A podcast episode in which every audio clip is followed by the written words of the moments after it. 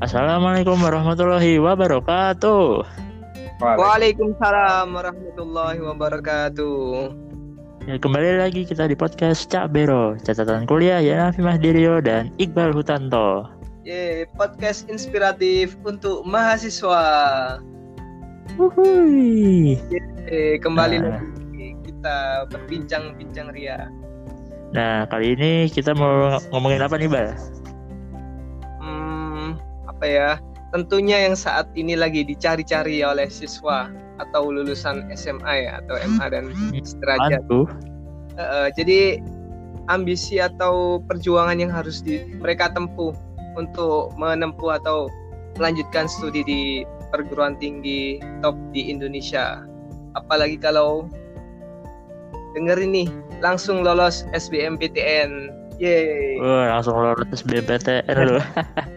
Udah ada jaminan. Tentunya kali ini kita dengan narsum atau guys yang apa ya yang berpengalaman lah di SBMPTN dan kebetulan saat ini menempuh di bangku kuliah perguruan tinggi yang bisa dikatakan 10 besar top ya di Indonesia.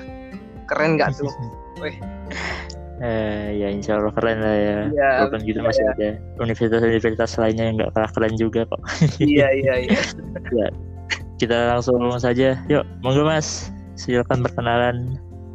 Oke, sebelumnya terima kasih nih buat Mas Rio sama Mas Iqbal ya. Eh, Assalamualaikum warahmatullahi wabarakatuh.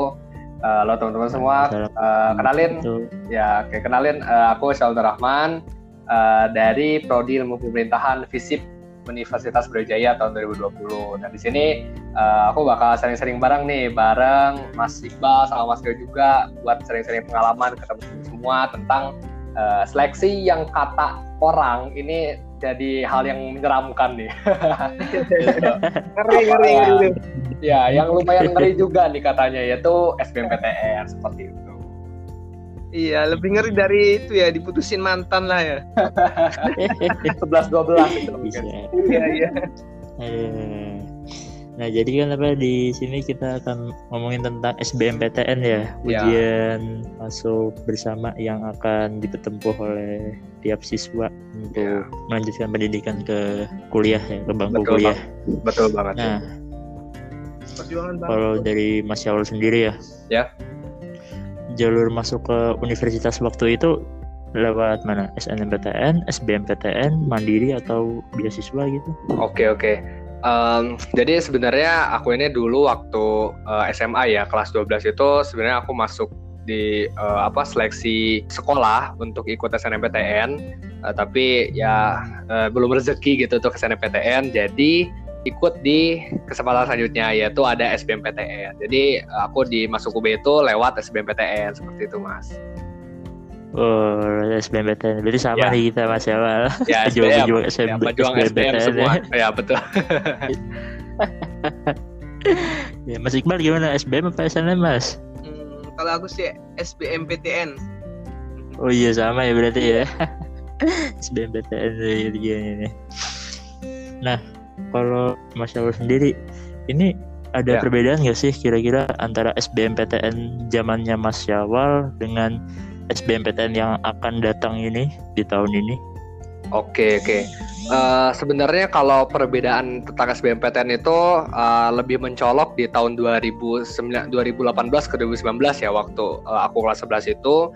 Eh, jadi kan awalnya SBMPTN itu hanya tok SBMPTN gitu ya. Mungkin yang mas-mas eh, atau kakak-kakak saya rasakan gitu. Tapi untuk tahun 2019 kemarin itu eh, ada yang namanya UTBK dulu gitu. Ujian tulis berbasis komputer yang nanti itu poinnya itu poin UTBK-nya itu bakal menentukan dia untuk memilih jurusan di SBMPTN. Nah, jadi yang tahun 2020 ini adalah angkatan kedua pelaksanaan UTBK dan insya Allah yang tahun 2021 ini adalah angkatan ketiga gitu UTBK SBMPTN-nya. Nah, kalau misalnya eh, dikatakan perbedaan ya, eh, jujur aja sih aku ngelihat tahun ini tuh mungkin agak lebih pasti ya. Soalnya dari tanggal sendiri udah fix tanggal berapa, terus juga eh, udah pada pendaftaran. Nah, kalau tahun lalu itu lumayan digantung ya Mas ya. Soalnya kan soalnya kan waktu aku Digantung zaman-zaman Heeh, soalnya aku waktu zaman-zaman lo- lolos apa SMA itu pas mau masuk kuliah itu baru masuk banget pandemi kan, baru masuk ke COVID-19 itu. Nah, jadi banyak banget kebijakan-kebijakan yang berubah. Salah satunya waktu mau pendaftaran SBMPTN. Nah, awalnya kan SBM itu April 2020, tapi terus mundur, terus mundur, terus mundur hingga akhir dilaksanakan 2020 bulan Juli seperti itu. Dan banyak banget sih harus penyesuaian protokol kesehatan, semuanya serba dijaga. Ya pokoknya ketat banget lah, nggak kayak yang tahun lalu kakak kelas suka ceritakan gitu ya. Itu sih mas. Ya, berarti apa? Berarti tahun lalu itu kemarin April Hmm. pas tahunnya masih awal. Ya Tapi, April. eh, April. Awal- tapi sebelumnya eh ya, April harusnya ya. harusnya April. itu harusnya April habis Hmm. itu dimundurin mundurin diundur baru- terus. Bener baru Juli. Itu kalau nggak salah udah berapa kali diundur ya? Eh, soalnya April terus ada kabar Mei terus gak jadi terus Juni gak jadi akhirnya Juli gitu. Gitu sih. Oh. sama kayak ini ya berarti sama kayak anak-anak SNMPTN yang udah lolos ya nunggunya berarti. Mm-mm, tahun lalu juga eh, sebenarnya lumayan tenang ya tahun lalu SNMPTN udah aja lolos gitu. Tapi mereka harus nunggu nih nunggu kita kita yang SBM gitu. Jadi perkuliahan juga mulai telat. Kalau di UB kan rabraunya juga jadi telat gitu ya mas ya. Iya benar. gitu. Iya. Jadi Mas Iqbal ini dong ya Pak sama-sama kayak nunggunya nunggu kayak SNMPTN masuk kuliah. Cuma bedanya kalau SNMPTN udah pasti ya. Kalau misalnya SBMPTN kan masih nunggu ujiannya gitu. Jadi Iya, sama-sama iya. nunggu tapi Iya benar sih. Nah, betul banget Tapi untung kasih ya, apa ya ada jeda waktu sih. Jadi buat belajar buat mantepin materi-materi. Ah bener banget itu mas. Aku alhamdulillah ya bersyukur banget sih kemarin tuh agak diundur. Soalnya aku tuh jujur aja belum persiapan sebenarnya. tapi tapi ada adanya pengunduran itu ya jadi bisa makin belajar gitu. Jujur jujur aku kalau April beneran SBM tuh gak tahu ya, gak tahu gimana gitu. lost lost ya. Oh ya tadi Mas Syarul kan bilang ya ada sistem perubahan pas 2018 itu kan ya ya, ya. rintisan. Berarti UTBK-nya itu ujian dulu baru ini dong. Iya, Artinya ujian dulu baru nentuin jurusan dan kampus gitu Nah, ya. kalau tahun 2019 ya Mas. Jadi kita ujian dulu, nah baru kita eh, ketemu skornya. Nah, skor ini bisa kita jadiin pertimbangan untuk daftar PTN mana. Tapi eh, mulai 2020 kemarin itu sebenarnya hampir mirip aja sih kayak SBMPTN biasa gitu. Tapi kita di sini ada skor UTBK itu. Jadi pendaftaran UTBK itu beriringan juga dengan pendaftaran SBMPTN. Jadi kita harus sudah mulai masukin PTN yang kita tuju, prodi yang kita tuju itu dari awal gitu. Hmm, gitu. Berarti ini mirip-mirip sama sistem NEM pas zaman SMP SMA Ya, ya. mungkin seperti itu. Soalnya kan kalau misalnya zamannya aku sama Mas Iqbal ya, Hmm. kan kita SBMPTN ya udah selesai ujian kita nggak tahu skornya berapa, habis itu kita langsung masukin univnya univ mana, univ mana, iya. univ mana ya. Berarti kan udah kayak lebih pasti gitu ya. Iya, betul.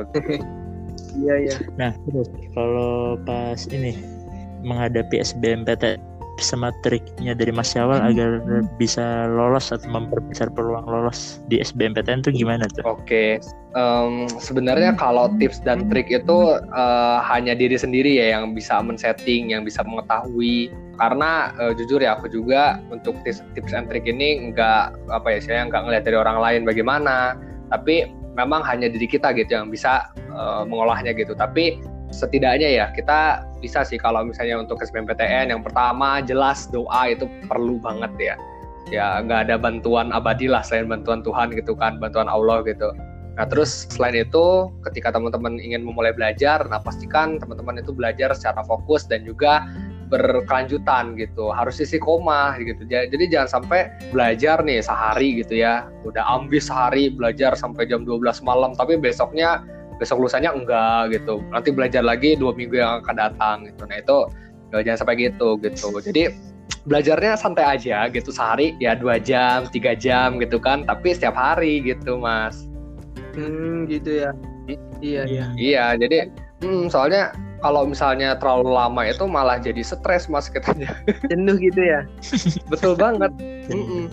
Jadi harus ada keistikomahan gitu, harus ada biar berkesinambungan lah gitu. Apalagi eh, kalau sekarang sih menurut aku lebih gampang ya Mas ya. Soalnya eh, udah banyak banget media yang bisa kita lakuin, eh, apa bisa kita akses. Eh, ada YouTube, terus juga Spotify kayak gini gitu kan. Iya, iya. Terus juga banyak juga aplikasi-aplikasi tryout yang bisa kita coba. Nah itu sebenarnya calon maba sekarang tuh tinggal milih aja gitu. tinggal milih dan tinggal menentukan mereka tuh mau ikhtiar pakai jalur yang mana gitu sih Iya, iya. Iya, tapi dengan apa ya? Kayak teman-teman SMA yang baru lulus ini biasanya kayak semangat-semangatnya untuk main sama teman-temannya hingga lupa untuk belajar SBMPTN. Kira-kira perlu nggak sih buat jadwal semacam schedule gitu? Tiap hari terus harus ngapain, terus belajar apa misal gitu. Gimana menurut Mas Yawan? Oke, kalau menurut aku sih perlu ya Mas ya. Soalnya kita supaya bisa terarah juga dan terstruktur dan tentunya tertarget gitu. Dan jangan apa ya kalau saran aku sih jangan nge, jangan belajar terus menerus gitu ya. Kita selingin dengan ada beberapa hiburan gitu. Kalau misalnya teman-teman suka main games ya nggak apa-apa gitu tetap main games. Tapi sesuai dengan proporsinya yang suka nonton film gitu nggak apa-apa nonton film juga. Yang suka hunting-hunting dulu gitu untuk sehari liburan nggak apa-apa main dulu gitu sehari. Tapi besoknya belajar lagi gitu sih. Hmm. Nah, tadi kan tips dari Mas Awal kayak gitu ya. Kalau dari Mas Awal sendiri ngejalaninnya gimana tuh pas mempersiapkan SBMPTN? Jujur ya, waktu awal itu kan SBMPTN waktu pas belum mau belajar itu waktu awal-awal pandemi banget ya. Jadi sebenarnya masih ada kultur shock sih. Eh, awal-awal tuh gara-gara kita kan serba luring ya awalnya. Tapi eh, ujuk-ujuk daring gitu kan yang sebenarnya belum kita biasakan gitu. Kalau dari aku sih bagaimana implementasinya itu eh, kita eh, kalau aku ya eh, mulai belajar tuh sekitar jam 8 atau jam 9 pagi. Karena menurut aku pagi-pagi itu waktu yang fresh Hmm. banget lah gitu buat kita belajar. Terus kita belajar materi-materi nonton video pembahasan UTBK soal-soal gitu. Itu sampai jam paling lama ya paling lama tuh sampai asar lah. Tapi kalau misalnya versi rasional aku paling lama tuh sampai sebelum duhur gitu. Jadi jam 9 sampai jam 11 atau jam 11 sampai 12 Nah, aku jarang sih sebenarnya belajar malam. Nah, malam itu aku pakai buat kayak nonton gitu. aku juga jujur ya, sebenarnya kemarin tuh masih masih masih nonton gitu kan. Sebenarnya nggak apa-apa sih. Dan juga kalau aku sih eh, dirutinin buat ikut atau buat ngerasain namanya TO gitu, tryout. Nah, itu sekitar seminggu 2 sampai tiga kali lah gitu. Sehingga kita bisa tahu kira-kira udah sejauh mana progres belajar kita dan juga bagaimana sih persiapan kita gitu untuk ikut di UTBK SBMPTN seperti itu. Oh, bener-bener. Iya, Yang penting have fun ya. Dia dibawa fun, dibawa nggak stres iya, ya. iya. Iya, bener banget.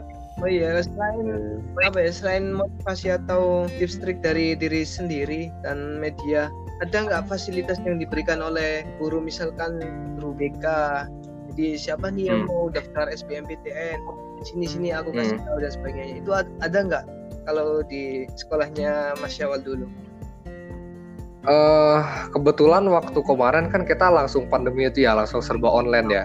iya Dan juga SBMPTN itu dilakukan setelah kita udah lulus gitu. Setelah kita udah graduation day dan sebagainya. Jadi kayak nggak ada bimbingan apa-apa lagi sih dari sekolah dan juga memang kalau SBMPTN itu lebih ke apa ya urusan pribadi gitu ya. Kayak lebih ke pribadi. Beda dengan SNMPTN yang memang di eh, bimbing yang memang di eh, apa namanya diatur lah gitu sama sekolah tapi kalau SBMPTN tuh memang kayak dibalikin lagi ke masing-masing siswa gitu mas jadi kalau kemarin sih mandiri sih lebih ke mandiri gitu Hmm, 11 12 lah ya sama Hmm. angkatannya aku sama Iqbal. Hmm, gitu. iya mas Nah, benar ya apa, mungkin gara-gara pandemi ini jadinya lebih mandiri angkatannya sampean gitu daripada angkatannya kita kita. bisa jadi mas Soalnya kalau misalnya di sekolahku ya itu apa kan nggak ada pandemi kan ya jadi masih bisa kayak tanya-tanya hmm. entah itu ke guru atau misalnya ke guru siapa gitu yang dekat terkait tentang konsultasi jurusan lah nih Ya, apa, ya. gimana nih dari saya segini saya masuk yang mana gitu masih ada kan kayak gitu gitu kalau misalnya mas Awal udah itu ya udah bener-bener dilepas gitu kan ya? Iya soalnya kita tuh kelulusan tuh kalau nggak salah bulan Mei ya. Mei atau Juni ya lupa Mei gitu. Nah itu udah duluan kelulusan gitu dibanding UTBK gitu. Jadi Iya, eh, eh, jadi kayak udah aja sih. Gitu mas. Iya. bener-bener sih angkatan perjuangan ya. Hmm, perjuangan Iya. gitu. Nah, terus pas ini loh mas, kan semuanya kan serba daring online gitu kan. ya ya Itu kayak tryout tryout gitu digelarnya online semua. Nah, apakah ada kendala gitu selama mempersiapkan diri untuk ikut tryout lah, untuk belajar lewat online gitu lah. Ya, kalau kendala sih alhamdulillah uh, kemarin kalau secara teknis ya nggak ada alhamdulillah karena uh, alhamdulillahnya rezeki dari Allah masih ada jaringan gitu buat kayak wifi terus juga dari device juga alhamdulillah uh, memadai. Terus juga alhamdulillah ada rezekinya gitu buat beli apa beli paketan TO karena kan kalau TO di itu harus bayar ya harus kayak beli paketan gitu. Uh, paling kan sih uh, kendalanya apa ya dari segi kemudengan kita ya mengerti kita. Soalnya kalau guru guru online kan biasanya berbeda ya dengan guru-guru offline biasa gitu dan juga kita jarang bisa bertanya langsung gitu. Nah makanya karena uh, waktu kemarin selama belajar online tuh kita uh, sebisa mungkin harus bisa cari jawabannya secara mandiri gitu. Jadi harus digali harus dicari tahu sampai ketemu itu secara mandiri gitu sih mas. Wah iya. Yeah. benar-benar itu ya pak butuh fokus lebih juga dan juga butuh ya effort lebih juga ya yeah. untuk harus dipelajari. Betul banget. Ya mas Mas Iqbal gimana Mas Iqbal ada yang mau disampaikan nggak? Cukup sih, kayaknya itu ya. Terus ini Mas Jawal. Dicermati untuk siswa-siswa yang akan melanjutkan ke anu ya, perguruan tinggi, apalagi yang perguruan tingginya yang top-top gitu ya. Iya betul Mas. Siapkan. Nah terus ini Mas Jawal, kan biasanya pas mau tes SBMPTN gini ya kayak ada perasaan galau. Mungkin ya kebanyakan siswa ya galau gara-gara habis ditolak dari SNMPTN kan. Ya jalur undangan itu kan. Kayak apa ya nggak pede gitu. Ah nanti ini lagi apa enggak ya jurusannya? Ah nanti ya, apa ya. kalau bisa ditolak lagi gimana gitu kan. Hmm. Nah ini gimana nih dari Mas Jawal tipsnya supaya gak galau gitu milih jurusan SBMPTN Sebenarnya aku tuh belum ngerasain ya mas, soalnya uh, kemarin itu kan aku memang ditolak juga di SNMPTN. Kebetulan memang berbeda univ dan beda jauh lah jurusannya dengan yang sekarang aku rasain gitu. Uh, kemarin gak galau kenapa? Karena kan aku ditolaknya bulan April tuh, dan juga baru daftar sekitar bulan Juni gitu. Jadi kayak udah lama banget gitu ya. Kayak udah punya jeda waktu panjang lah gitu. Jadi kayak galau nya tuh udah udah berkurang gitu. Rasa rasa rasa patah hatinya udah udah mulai hilang gitu. Tapi kalau misalnya tips ya buat teman-teman semua gimana sih kita untuk naik jurusan yang pertama kembalikan pada teman-teman sendiri gitu. Nah teman-teman sukanya apa jurusannya bagaimana. Nah kalau misalnya teman-teman kekeh gitu uh, tetap jurusan di situ ya harus kita perjuangkan gitu dengan cara eh, belajar yang baik dan juga cari lebih jauh tentang jurusan tersebut gitu syukur-syukur ya kalau misalnya uh, jurusan yang teman-teman minati yang pengen banget di kita masukin nih di kampus itu ya jurusan-jurusan yang sekiranya punya daya saing yang gampang lah gitu. Tapi kalau misalnya galau sih pasti galau ya Mas ya. Itu betul udah jadi kayak persoalan dasar banget sih kayaknya. iya, tapi kalau apa ya jeda waktunya dua bulan dan itu sudah nggak galau lagi, kayaknya tipe-tipe yang mudah move on ya. Jadi bahaya nih buat kalau punya pacar nih. Jadi cepet jadi cari pacar baru. Pacar sebenarnya iya sih soalnya ada pasangan nggak? Kenapa? Ada pacar aduh ini jangan jangan dibuka di sini. Oh. di sini. Rahasia diri pribadi aja itu. Nah berarti ini ya pak untuk kayak itu loh mas milih-milih jurusan gitu. Hmm. kalau dari mas Syawal sendiri itu berarti dari SNMPTN itu ini toh jurusannya memang beda jauh banget apa bedanya kayak jauhnya cuma kayak ya 10 12 atau 8 12 gitulah. Menurutku jauh banget sih mas, soalnya aku waktu SNMPTN tuh aku milih salah satu PTN di Jawa Barat. Kebetulan jurusannya itu hubungan masyarakat dan juga sains informasi geografi gitu. Wow. mas dan geografi dan itu jauh banget gitu kan dengan kenyataan aku SBMPTN yang milih ilmu pemerintahan dan ilmu politik gitu. Jadi kayak kayak kayak beda jauh banget gitu kan. Bumi.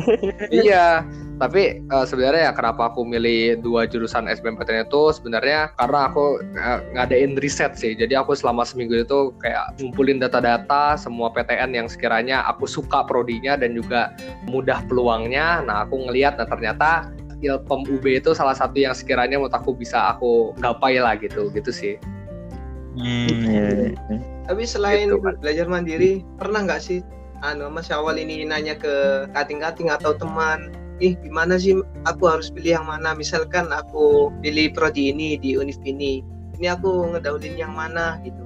Ah, Pernah nggak? enggak sih mas, Iya. enggak sih. Soalnya aku kayak murni sendiri sih waktu kemarin itu.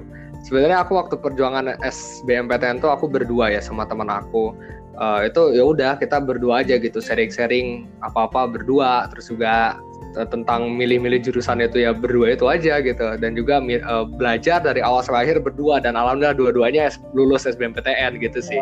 Alhamdulillah ya. ya alhamdulillah gitu. Kampusnya sama lah kampusnya. Eh, beda. Yang satu di ada di Jawa Timur juga tapi beda kota gitu Oh Ah. iya iya iya. iya Ya, apa kayak flashback sih. Aku juga ini kan ya kita kan sama-sama ini ya ketolak di SNMPTN kan ya. ya tertolak nih Karena itu memang eh, ada kayak pas awal-awal kan emang rasa-rasa berat gitu kan. Nah kalau dari Mas Kawal tuh IPA apa IPS? Eh, aku IPS mas soshum IPS Oh IPS ya. Iya. Solidar IPS sama saya. anak IPS ya. oh iya mas Aku juga IPS nih Mas. Kalau Mas Rio, oh Nah aku nih IPA nih. Wah, IPA, anak IPA Mas Syawal. iya Mas Rio kan di FP ya di perta apa di FP kan ya Bukan nih. Mm pastilah itu IPA mm. Nah, sebenarnya nih aku waktu pas SNMPTN itu emang apa ya? Ngincernya emang agak-agak berbau IPS soalnya. Hmm, Jadi apa? iya iya Bukan prodi IPS tapi prodi IPA anak IPA juga bisa masuk gitu. Iya, iya, iya gitu. mas benar-benar Nah, tapi ya pas udah mulai ketolak itu kan jadi apa ya? Kalau aku lebih ke ini sih mas, lebih ke jurusannya yang diincar daripada univnya gitu.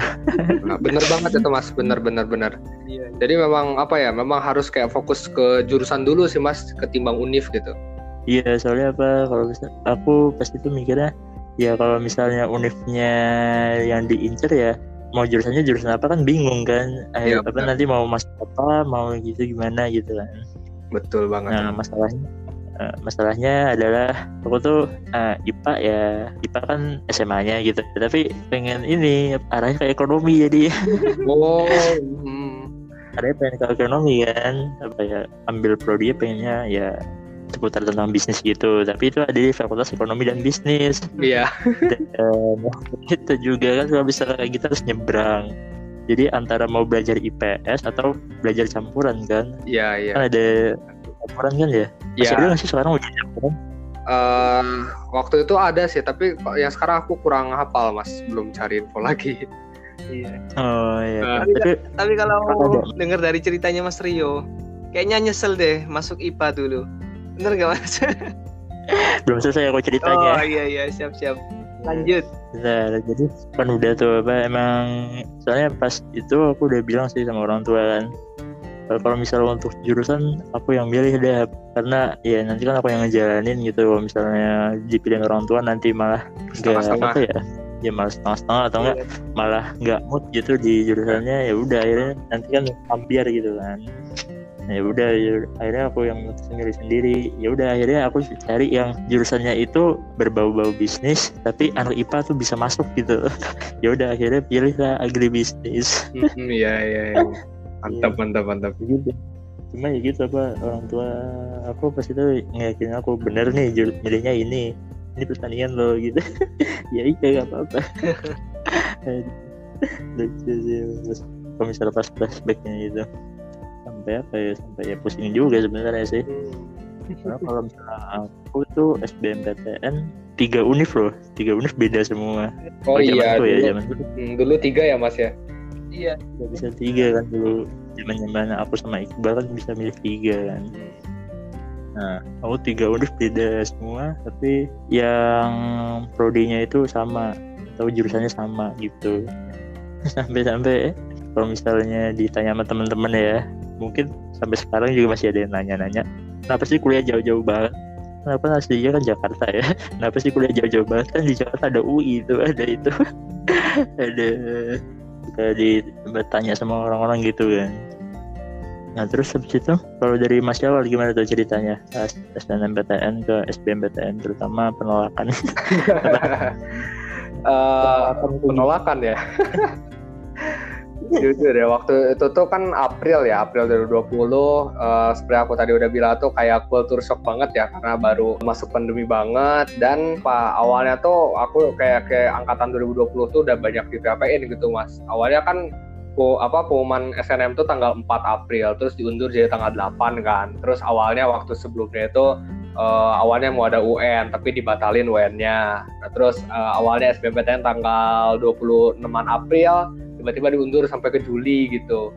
Sebenarnya uh, pasti ya teman-teman 2020 lainnya ya uh, walaupun mungkin pada kuat ya tapi sebenarnya di hati terkecilnya bisa jadi mengalami kultur shock gitu. Karena kan dengan segala perbedaan gitu kan yang awalnya offline jadi online. Uh, tapi kalau misalnya dari segi pengalaman aku ya kalau misalnya kemarin waktu persiapan SBMPTN uh, jujur aja aku baru persiapan SBMPTN tuh pas tahu aku nggak lolos SNM gitu. Jadi jadi uh, ketika uh, apa ya mungkin teman-teman yang lainnya uh, mempersiapkannya itu dari jauh-jauh hari gitu. Aku tuh jujur aja baru uh, persiapan pas beres SNMPTN dan juga uh, kayak masih setengah-setengah gitu belajarnya ya aku kayak beneran gak sih gitu harus ikut SBMPTN gitu kan harus belajar lagi padahal kan awalnya ya? hmm, padahal kan awalnya kayak kayak apa kayak punya harapan apa naruh harapan besar gitu di SNMPTN tuh kayak ah, aku pasti lolos lah gitu. Ini mah gampang gitu gampang eh ternyata nggak lolos gitu kan. Dan juga harus memulai belajar. Dan jujur aku juga uh, saat mulai belajar itu ya kayak masih setengah-setengah gitu kan. Mana pas uh, lagi belajar kan uh, bulan Ramadan juga gitu. Pengen fokus ibadah gitu kan pengen istirahat tapi harus belajar juga gitu. Jadi ya uh, harus semuanya diimbangin gitu. Dan juga uh, ya alhamdulillah gitu. Kita terus berproses belajar menggunakan segala yang ada lah gitu. Kita uh, beli apa paket TO online kita kerjain TO-nya terus juga kadang-kadang di tengah-tengah males gitu kan ya udah kita nanti uh, apa semangatin lagi gitu buat belajar. Terus juga ya dinamika sih mas naik turun. Kadang malas kadang semangat banget gitu. Dan alhamdulillah gitu aku karena kan berjuang berjuang ya sama temen aku itu yang sama-sama uh, ikut SBM dan sama-sama lolos gitu uh, dan jadi apa ya jadi senang juga gitu karena ya usaha kita nggak sia-sia gitu dan tentunya ya ini uh, pastinya pertolongan dari Allah gitu sih mas. Hmm, berarti itu ya selain penolakan dari SNN juga itu ya menghadapi ketidakpastian itu ya yang berat ya. iya makanya itu sih mas. lumayan juga hmm. gitu. Masih apa pandemi ini yang bikin orang entahlah kalau misalnya harus banget. Kalau misalnya mau lemah ya bisa lemah banget gitu. Iya bikin bikin dikduk pas lagi SBMPTN itu ada pengalaman-pengalaman menarik ya mas? Pas lagi ujian atau misalnya pas lagi persiapan gitu. Ujian ya.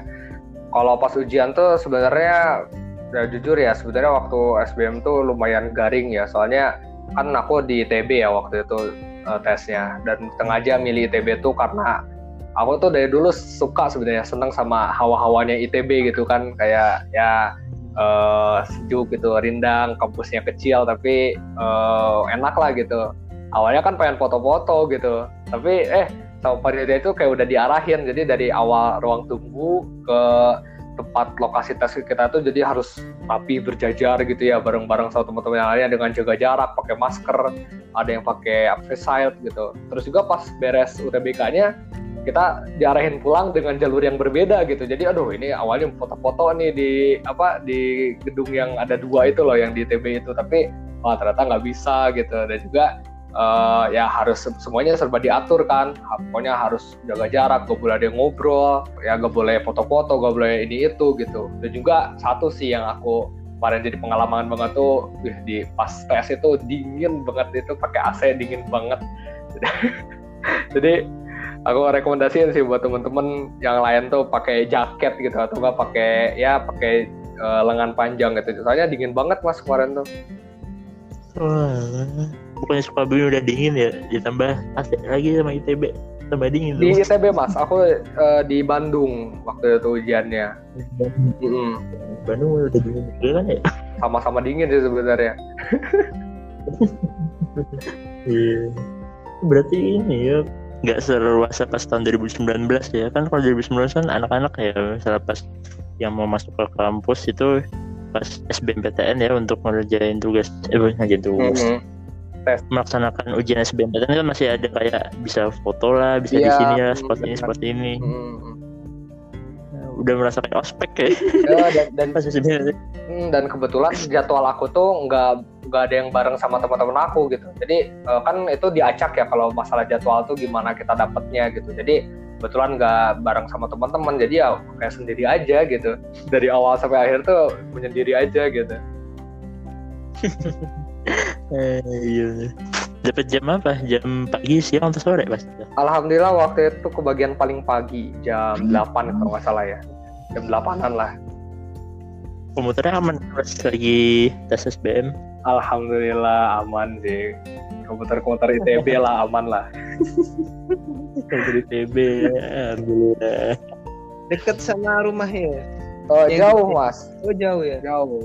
Kan ITB di Bandung ya. Aku di Sukabumi sekitar 4 jam perjalanan sih. Tapi aku nginep dulu waktu itu. Eh, apa? Jadi aku berangkat satu hari sebelum TBK-nya gitu. Hmm, hmm, hmm. Jadi nggak bisa berangkat itu ya? Apa dadakan gitu kayak pagi Nah, mungkin habis palingan iya. palingan kalau kalau dadakan sih yang bisa tuh yang dapet jadwal siang. Soalnya bisa berangkat pagi. Kalau misalnya aku kan harus ada di lokasi itu jam setengah delapan banget ya. Saya bisa aja gitu berangkat pagi jam subuh sebelum subuh jamnya jam-jam tahajud gitu kan. Tapi ya enggak lah gitu. Soalnya pagi banget gitu. Daripada banyak ini itu terus juga belum lagi suka macet kan suka bumi Bandung itu banyak pabrik jadi ya mending pas hari sebelumnya gitu. Iya, jadi emang harus benar-benar disiapin ya bro ya.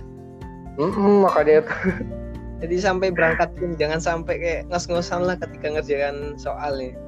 Iya betul banget. iya benar ya, ya, itu penting juga apa ya faktornya perlu diperhatikan juga sih supaya pas ngerjain itu nggak ini nggak hilang fokus sih Iya betul banget. soalnya aku ya kan di IPA ada matematika dasar kan ya kalau misalnya SBM Iya. itu aku lupa ngerjain loh masih ingat sampai sekarang gak ada di istilah matematika dasar bayangin Tapi gak, keisi semua ya. nggak keisi semua Ya. maksudnya kan di tes tes kayak gitu sampai sekarang masih gini nggak sih sistemnya Mas Jawa Gimana gimana? kalau misalnya di setiap mata pelajaran yang ditesin itu harus ada minimal satu yang diisi gitu nggak sih set- aku kurang apal ya gimana teknisnya. Tapi yang jelas sih waktu eh, SBMPTN aku kan kebetulan ya, alhamdulillah cuma TPS doang gitu kan, cuma eh, apa tes skolastik doang. Eh, jadi ya cuma ada lima subbab waktu itu, termasuk eh, subbab bahasa Inggris. Eh, tapi kalau misalnya harus dikerjain semua atau enggak, aku kurang hafal. Tapi sih kan karena ada waktu ya, ada waktu sekitar satu eh, apa kan kita di waktu ya kalau komputer itu setiap satu subbab tuh harus sekitaran 20 menit lah 17 sampai 20 menit nah, itu pasti ada waktu gitu buat ngerjain dan gak, bisa di skip skip gitu gak bisa di skip ah pengen ngerjain subbab yang yang selanjutnya ah gitu gak bisa gitu harus eh, ngerjain sesuai dengan urutan dan waktunya gitu Iya iya. iya. Oh gitu ya Iya. udah ya, ya. kalau misalnya zaman zaman kita kan ini ya bal apa masih bisa lihat yang mana dulu nih yang mana dulu nih soalnya masih pakai tulisan Iya, kan. Iya mas Bisa benar-benar. ya, ya. ya itu aku sampai ping capeknya juga ya sama matematika dasar kan di IPA itu kan lebih tinggi lah tingkat kesulitannya daripada matematika biasa. Itu sampai apa ya bingung yang mana. Pas waktu udah selesai aku baru ingat oh iya tadi nggak ngerjain matematika dasar ya udahlah biarin. Aduh. Tapi untung ya keterima ya. nah itu aku kok bisa terima. Alhamdulillah. Gitu. rezeki mas. Rezeki dari Allah Subhanahu Wa Taala gak disangka-sangka nah apa kalau misalnya pas di Mas Jawal ini berarti perbedaannya dengan tahun-tahun sebelumnya ya Mas? Tentang soal soal SBMPTN itu apa ya? Aku nggak tahu ya Mas ya kalau SBMPTN sebelum-sebelumnya gimana karena aku juga baru familiar tentang SBMPTN itu ya pas pas baru nggak lolos SNM itu Mas. Jadi eh, nggak tahu apa belum sempet membandingkan gitu tapi kalau misalnya waktu zaman aku sih itu ada soal TPS gitu namanya sebenarnya itu ada dua ya ada TPS ada TPA kalau misalnya TPS itu lebih ke skolastik nah itu eh, subbabnya itu ada tentang penelaran umum terus juga ada eh, pemahaman baca menulis terus juga uh, PPU dan juga ada kuantitatif. Nah, kuantitatif itu kayak matematika dasarnya. Nah, kalau misalnya tahun ini itu hmm. uh, bakal ada TPA juga gitu. Nah, TPA itu nanti isinya kayak ada uh, pelajaran-pelajaran sesuai dengan yang kita pilih. Kalau misalnya kayak soshum ya berarti uh, bakal ada apa geografi, ekonomi, terus juga sosio. Sosio ada ya nggak? Saya nggak tahu lupa. Tapi pokoknya ada pelajaran-pelajaran yang soshum gitu. Nah, kalau misalnya teman-teman milih di jurusannya saintek, nah berarti nanti kayak biologi, kimia seperti itu, Mas. Jadi ada dua bab besar hmm, dan gitu. dengan subbab-subbabnya gitu. Jadi nggak jauh beda ya sama yeah. tahun-tahun sebelumnya ya. Oh gitu ya. Mm-mm, soalnya ya sama sih. Ada TPA itu juga tes potensi akademiknya itu sama yang pengetahuan umumnya itu tentang menyesuaikan jurusannya juga gitu sama berarti. Tapi Mas Syawal sendiri Cuma apa ya? Pernah nggak sih itu kayak kayak ngerjain soal-soal SBMPTN tahun sebelumnya dan ngebandingin tingkat kesulitannya itu naik apa monoton tetap gitu? Kalau soal apa ya? Aku sebenarnya jujur Mas, aku kurang familiar ya sama soal-soal SBMPTN tahun-tahun kapan pun gitu. Soalnya uh, aku jujur aja ya kalau dari belajar sih cuma dari TO yang mengandalkan aplikasi aja gitu. Kebetulan kan ada Pamify, ada kayak Cerebrum, hmm. ada apa namanya Eduka gitu. Jadi aku cuma ke situ aja. Tapi kalau misalnya kita bisa membandingkan dengan soal-soal SBMPTN tahun-tahun sebelumnya tuh biasanya ada di buku gitu. Sementara aku kemarin nggak punya buku gitu. Oh, langsung aplikasi ya iya. ya, sampai hmm, gitu. Jadi nggak nggak terlalu kebayang sih kira-kira uh, gimana sih soal tahun-tahun sebelumnya gitu, Mas. Nah kemarin pas tes SBMPTN itu semuanya diisi apa ada yang di skip mas? Aku kayaknya ada yang nggak diisi deh kalau nggak salah. Tapi se seingatku ya karena nggak ada sistem pengurangan nilai jadi aku tembak-tembak aja gitu. Apalagi yang yang kuantitatif itu loh mas yang MTK MTK gitu kan aduh aku memang emang rada kurang ya kalau kayak gitu-gitu ya. Jadi ya udah gitu Bismillah lah headshot gitu. Ada nasib ya bro ya? Iya ada nasib memang. Tapi tahun kalau tahun kita kan harus hati-hati ya ya betul ya iya. Salah minus satu deh serem. Kalau misal waktu tinggal lima menit terus masih belum menyelesaikan 20 soal langsung aja wes. Langsung tembak-tembak aja gitu mas Oh, berarti ini ya, Mas, Mas Jawal nggak ada sistem pengurangan nilai ya? Kalau nggak salah nggak ada ya kemarin tuh ya. Aku lupa sih, tapi nggak ada sih. Soalnya kan kita kayak poin-poin gitu ya sekarang. Apa nanti skornya berapa ratus gitu. Di skor-skor gitu sih. Hmm. Enak ya. berarti ya. Betul banget. Jadi kalau misal melakukan kesalahan itu nggak dosa gitu. itu nggak sih. Oh iya nih, uh, sama ini mas. Ya mas. Kalau setahu mas Nawal ya, jalur-jalur masuk kampus selain SBMPTN, apalagi sih? Selain SNMPTN sama SBMPTN? Nah, kalau aku ya, itu uh, kan kalau misalnya pemerintah itu nyediain ada dua jalur gitu secara umum ya, ada yang SNMPTN dan juga SBMPTN. Uh, sebenarnya tahun ini tuh dibilang lebih apa ya lebih oke okay gitu karena SBMPTN itu uh, apa politeknik ya politeknik negeri dan juga D4 itu bisa masuk ke SBMPTN sekarang D4 di PTN. Lalu kan nggak pernah ada ya D4 itu cuma di vokasi doang gitu. Nah sekarang itu bisa masuk lewat SBMPTN. Nah, uh, jadi menurut aku kesempatannya akan, uh, akan lebih luas. Terus juga kalau selain SNM SBM itu teman-teman bisa cari-cari uh, info nih tentang uh, jalur mandiri, seleksi mandiri itu semua kampus pasti ada contohnya kalau di UB kan ada uh, selmanya S1 gitu kan ada jalur banyak jalurnya terus juga uh, vokasi. Terus kalau misalnya di apa ya aku random kampus aja IPB misalnya. IPB kan itu banyak banget ya jalur masuknya. Uh, bahkan ada jalur ketua OSIS gitu kan ada yang jalur vokasi dan sebagainya. Nah selain vokasi kayak gitu-gitu nah teman-teman bisa jalur mandiri yang reguler gitu yang S1-nya gitu. Jadi sebenarnya banyak sih ya Mas ya kalau buat masuk PTN itu tinggal memang harus sabar aja sih soalnya kan itu pasti berurutan ya uh, pasti harus SNM dulu baru SBM baru apa kurang lebih mandiri gitu gitu sih mas hmm. yeah. jalur-jalur khusus hmm. lainnya ya mas kayak jalur osis kan iya jalur pelafal Quran ya betul kan? banget mas ya, ya bener ada jalur hafiz itu dan apa alhamdulillah gitu sekarang ya. banyak banget kampus yang apa istilahnya memberikan ruang lah gitu buat teman-teman yang penghafal Quran bisa masuk PTN dengan gampang gitu. Iya, iya. Oh tahun kita ya Bal, tahun kita itu ini ya Bal, baru sedikit ya yang jalur-jalur Iya, buka. Pakai skill-skill gitu kan hafal Quran lah atau jalur lain itu lagi ya yang skill khusus juga. Dan kita masih sedikit sih. salah yang terbuka lebar banyak jalur-jalur itu setelahnya kita nggak sih 2017 18 lah. Karena Hmm. apa ya banyak yang menyadari bahwa apa ya, prestasi itu nggak hanya juara olimpiade di bidang mata pelajaran terus olahraga dan sebagainya. Karena banyak juga terus juga apa ya didukung dengan adanya MTQ nasional terus internasional sehingga mereka tahu banyak kampus yang membuka peluang untuk jalur prestasi di Hafiz Quran gitu. Betul mas. Itu pasti dan Mm-mm. Alhamdulillah sih itu udah banyak jalur-jalur skill gitu. ya, nggak ada nggak ada alasan lagi buat siswa-siswa untuk tidak kuliah ya? Karena banyak Betul jalan. Betul banget mas. Dan eh, ini ya sebenarnya eh, kampus sekarang itu kan eh, udah banyak yang mengedepankan inklusivitas gitu. Dan jadinya eh, udah banyak banget kampus yang nyediain jalur khusus untuk teman-teman disabilitas gitu. Jadi ya makin terbuka lebar sih sekarang tuh. Makin mantep gitu. Mm-mm, bener sih tinggal pinter-pinter aja ya berarti cari, cari apa infonya peluang dan jalurnya sama lebih sabar Betul juga banget, Mas. Ya.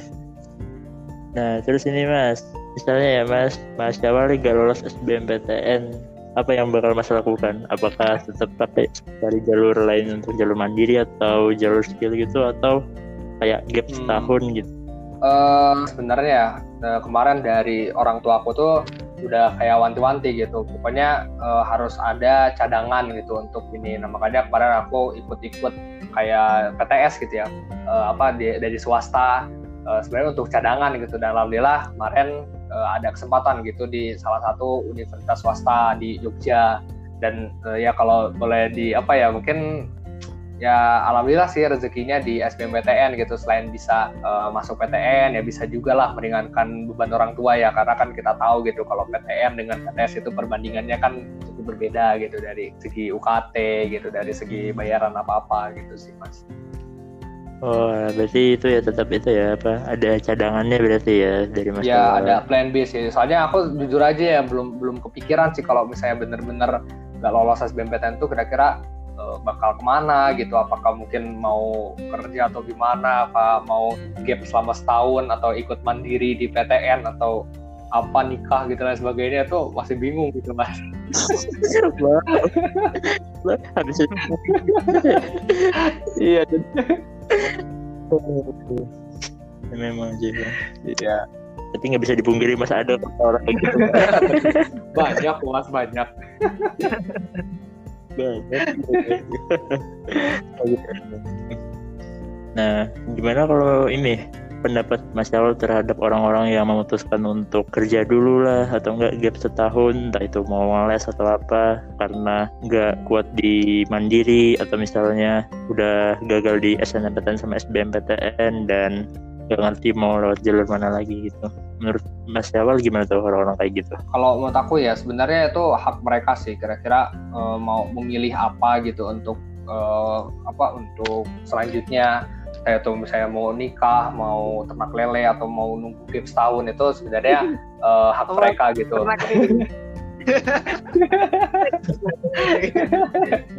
ya pokoknya ya pokoknya kan hak-hak mereka gitu kan. Kita nggak bisa ngelarang dan juga nggak bisa mengaruhi gitu. Tapi kalau misalnya saran dari aku ya ini saran sih ya. Karena mumpung kita kan masih istilahnya masih anak-anak muda gitu nah eh, memang kampus itu atau universitas itu nggak menjadi jaminan kita untuk bisa jadi sukses gitu. Tapi kampus juga lah yang kampus juga lah eh, itu bisa menjadi gerbang kita untuk meraih kesuksesan gitu. Nah makanya menurut aku ya eh, teman-teman bisa banyak-banyak cari pengalaman itu mulai dari kampus. Walaupun cari pengalaman itu nggak hanya dari kampus gitu tapi kampus itu setidaknya bisa jadi media bisa jadi sarana buat kita semua buat teman-teman itu. Ya cari pengalaman cari relasi dan juga eh, menuntut pendidikan tentunya ya. Karena kan kita kuliah itu pasti niat utamanya untuk label ilmi gitu untuk tahu ilmu kita yang pasti gimana. Eh, dan juga ya itu sih mas balik lagi ke niat awal gitu. Apakah kalau misalnya itu sih kalau saran aku ya untuk di perkuliahan itu eh, ya mumpung kita masih muda apalagi ada kesempatan orang tua mendukung kesempatannya terbuka nah itu mending apa ya memilih kuliah gitu mas. Tapi balik lagi ya mas ya aku nggak nggak nggak secara umum kok nyebutin bahwa uh, kita tuh hanya bisa sukses ketika kita masuk kuliah gitu. Pasti enggak lah mas. Soalnya banyak banget kok cerita dari orang-orang sukses yang dia tuh sebenarnya nggak sempat kuliah gitu. Uh, yang bahkan SMA pun nggak lulus gitu. Itu banyak banget gitu kan yang bahkan di DO atau lain sebagainya. Gitu. tapi kuliah itu bisa jadi salah satu gerbang kesuksesan kita. Nah, makanya uh, selagi kita mampu selagi kita muda nah kita bisa memaksimalkan potensi kita seperti itu. Uh, bener sih mas. Setuju setuju banget. Aduh, nggak terasa ya udah hampir satu jam ini. Asik ngobrolnya nih mas. Ya, karena kalau misalnya udah lebih sejam juga bakal buyar ke mana-mana lagi kan ya. Kurang sih walaupun satu jam ya masih kebal ya. Nah, karena udah di penghujung acara nih, mungkin ada pesan dan pesan dari Mas Awal, terutama untuk teman-teman siswa yang lagi berjuang nih, Mas, di SBMPTN, entah itu yang ditolak ataupun yang memutuskan untuk langsung ikut SBMPTN. Gimana pesan Mas untuk mereka-mereka ini? Oke. Uh, mungkin ya buat teman-teman yang sekarang lagi berjuang atau uh, teman-teman yang kemarin sudah uh, dapat rezeki dari SNPTN atau teman-teman yang tahun lalu belum dapat rezeki dan sekarang akan berjuang kembali aku sih mungkin kalau misalnya cuma bilang semangat itu kayak udah banyak banget ya orang-orang yang uh, ngucapin semangat gitu ya mungkin orang tua, tangga, saudara, teman-teman yang lain itu pasti akan mengucapkan semangat gitu. Tapi kalau misalnya pesan dari aku ya teman-teman selagi kita masih diberikan nafas gitu oleh Tuhan memanfaatkanlah itu optimalkannya itu dengan karya-karya yang terbaik gitu nah e, memang yang namanya kehidupan itu kan pasti dipenuhi dengan perjuangan ya jadi e, jangan lelah untuk berjuang hmm. kalau misalnya teman-teman e, pengen banget untuk masuk PTN raihlah itu dengan perjuangan teman-teman yang bisa lakukan Uh, tapi ingat ya teman-teman kalau misalnya capek ya istirahat dulu sejenak gitu. Jadi jangan sampai kita memaksakan diri Uh, dan kalau misalnya teman-teman eh, nggak uh, lolos, it's okay gitu, it's okay to be not okay gitu. Jadi ya teman-teman uh, apa ya istilahnya mungkin masih ada uh, jalur lain yang Allah udah persiapkan untuk teman-teman semua untuk bisa meraih kesuksesannya gitu. Dan ketika teman-teman nanti masuk PTN itu uh, semoga bisa memaksimalkan potensinya di sana banyak banget yang bisa teman-teman gali banyak banget yang bisa kita raih pengalamannya selama kita menjadi mahasiswa di uh, kampus sehingga ya manfaatkan potensi kita mumpung masih muda dan terus optimal untuk berkarya gitu mas. Wih, keren keren keren keren. Uh, Tuh dengerin ini ya buat teman-teman ya. Jadi jangan pernah lelah untuk belajar. Betul. Gak harus di PTN tapi bisa di tempat lain. Nah bener banget kan. Nah bener. uh, ya dengan begitu berakhirlah podcast di episode kali ini bersama Mas Jawal Nur Rahman ya. terkait tentang perjuangan SBMPTN. Nah, jadi teman-teman mendengar saksikan terus, saksikan ya, terus. dan ya, saksikan terus dan, dan jangan sampai ketinggalan di episodenya ya. Terus ikuti juga sosial media hmm, yang betul. bakalan launching dan nanti akan ada info selanjutnya yang di share lah. Oke, mantap mantap mantap. Ya, kurang lebihnya kami mohon maaf dan jika ada salah kata dan perilaku kami yang tidak berkenan, mohon maaf besar-besarnya karena kesempurnaan itu hanya milik Tuhan yang Maha Kuasa. Benar, benar, benar. Assalamualaikum warahmatullahi wabarakatuh. Waalaikumsalam warahmatullahi wabarakatuh.